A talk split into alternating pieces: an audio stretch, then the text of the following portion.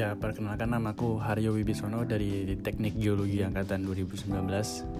Jadi di sini aku mau ngisi podcast sama Mas Rahmat tentang investasi, terutama di instrumen saham. Nah, sebelum kita terjun lebih jauh lagi, kita harus tahu investasi itu apa sih. Nah, investasi ini merupakan usaha mengembangkan jumlah uang atau harta yang kita miliki saat ini dengan tujuan tertentu di masa mendatang.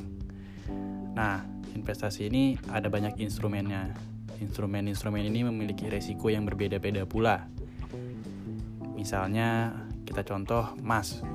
Emas itu kan kalau orang bilang investasi emas aja naiknya cepet, terus selalu naik gak pernah turun. Padahal ini gak selalu benar. Emang sih kalau dilihat dari grafiknya, harga emas tuh selalu naik, tapi selalu ada saat dia juga turun. Nah, kenapa aku milih saham? Uh, disesuaikan dengan profil resikoku sendiri ya. Nah, profil resiko ini uh, tingkat toleransi menanggung sebuah resiko. Aku ini orangnya cukup agresif dalam berinvestasi, jadi aku pengen uh, return yang tinggi. Nah, return yang tinggi ini ternyata memiliki resiko yang tinggi juga di saham. Nah, tinggal kita mengelola uh, resiko-resiko itu gimana. Nah, emang sih kalau dilihat kayak sekarang masa pandemi gini uh, jujur portofolio sahamku tuh minusnya banyak. Hampir sekitar 40% dari total dana yang aku milikin.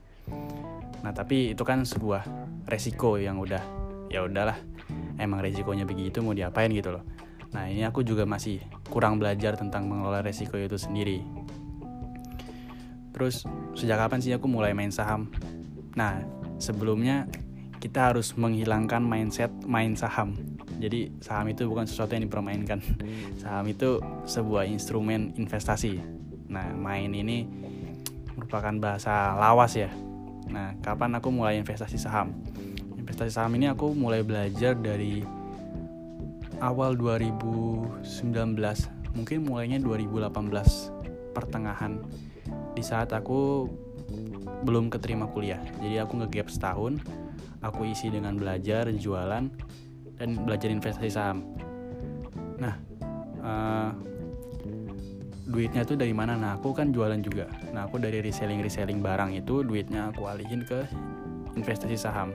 Nah jadi aku beli beli saham tuh duitnya dari situ pertama.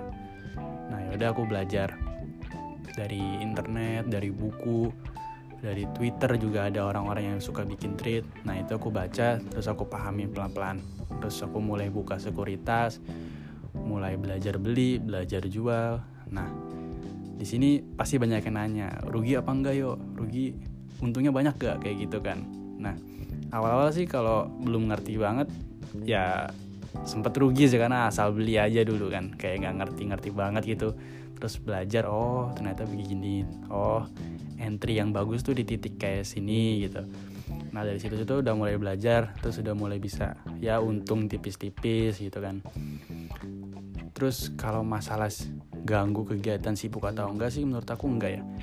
Karena uh, gak menyita waktu terutama kalau kita uh, tujuannya untuk long term ya. Jadi kita cenderung nabung kita beli ya udah kita tinggalin aja selama kita yakin fundamentalnya bagus juga ya nggak apa-apa oke-oke aja gitu. Kecuali kayak sekarang ini ya harus cut loss juga kan karena serem juga udah terjun jauh banget IHSG dari 6000 sekian ke 4000 itu kan udah lossnya banyak kan gitu. Tetap harus dikontrol tapi kontrolnya itu nggak memakan waktu yang seheboh itu seheboh yang kayak kita lihat di film sehektik itu nggak. Kecuali kita trader yang harian gitu terus untuk tips dan trik milih sahamnya sendiri itu aku ya belajar dari buku kayak tadi yang aku singgung. Belajar dari buku tuh ilmunya cukup cukup ada walaupun basic. Nah kalau kita mau cari ilmu yang lebih advance lagi ketika basic kita udah kuat kita bisa cari-cari referensi di internet. Bisa cari buku-buku yang lebih bagus lagi. Bisa cari rekomendasi dari orang yang lebih ngerti gitu. Nah untuk milih saham sendiri ini aku uh, ada indikator-indikator tertentu ya dari fundamental analisis sama technical analisisnya itu gimana. Fundamental analisis ini uh, berhubungan dengan sehat apa enggaknya perusahaan itu dalam tanda kutip gitu. Jadi kita lihat cash flow-nya terus price earning ratio terus banyak deh. Nah itu harus kita baca sih emang nggak bisa dijelasin satu-satu karena itu banyak banget yang harus dijelasin. Nah intinya dari dari dua analisis itu aku baru bisa nentuin oh saham ini cukup murah nih di sektornya dia. Ya udah sikat. Sikat beli pelan terus nabung tiap bulan beli beli beli beli beli. Nah uh, untung rugi sih ya pernah pasti ya. Nah itu sebuah perjalanan aja sih. Masa kita mau untung doang nggak mau rugi kan juga kalau bisa jangan rugi sih tapi. Nah rugi ini pernah dulu berapa ratus ribu sekian ya tapi it's okay.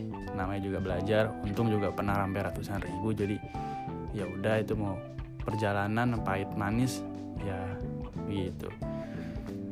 Terus harapan aku sih buat umur-umur kayak kita ya harus udah mulai melek investasi. Terutama investasi apa pun itulah.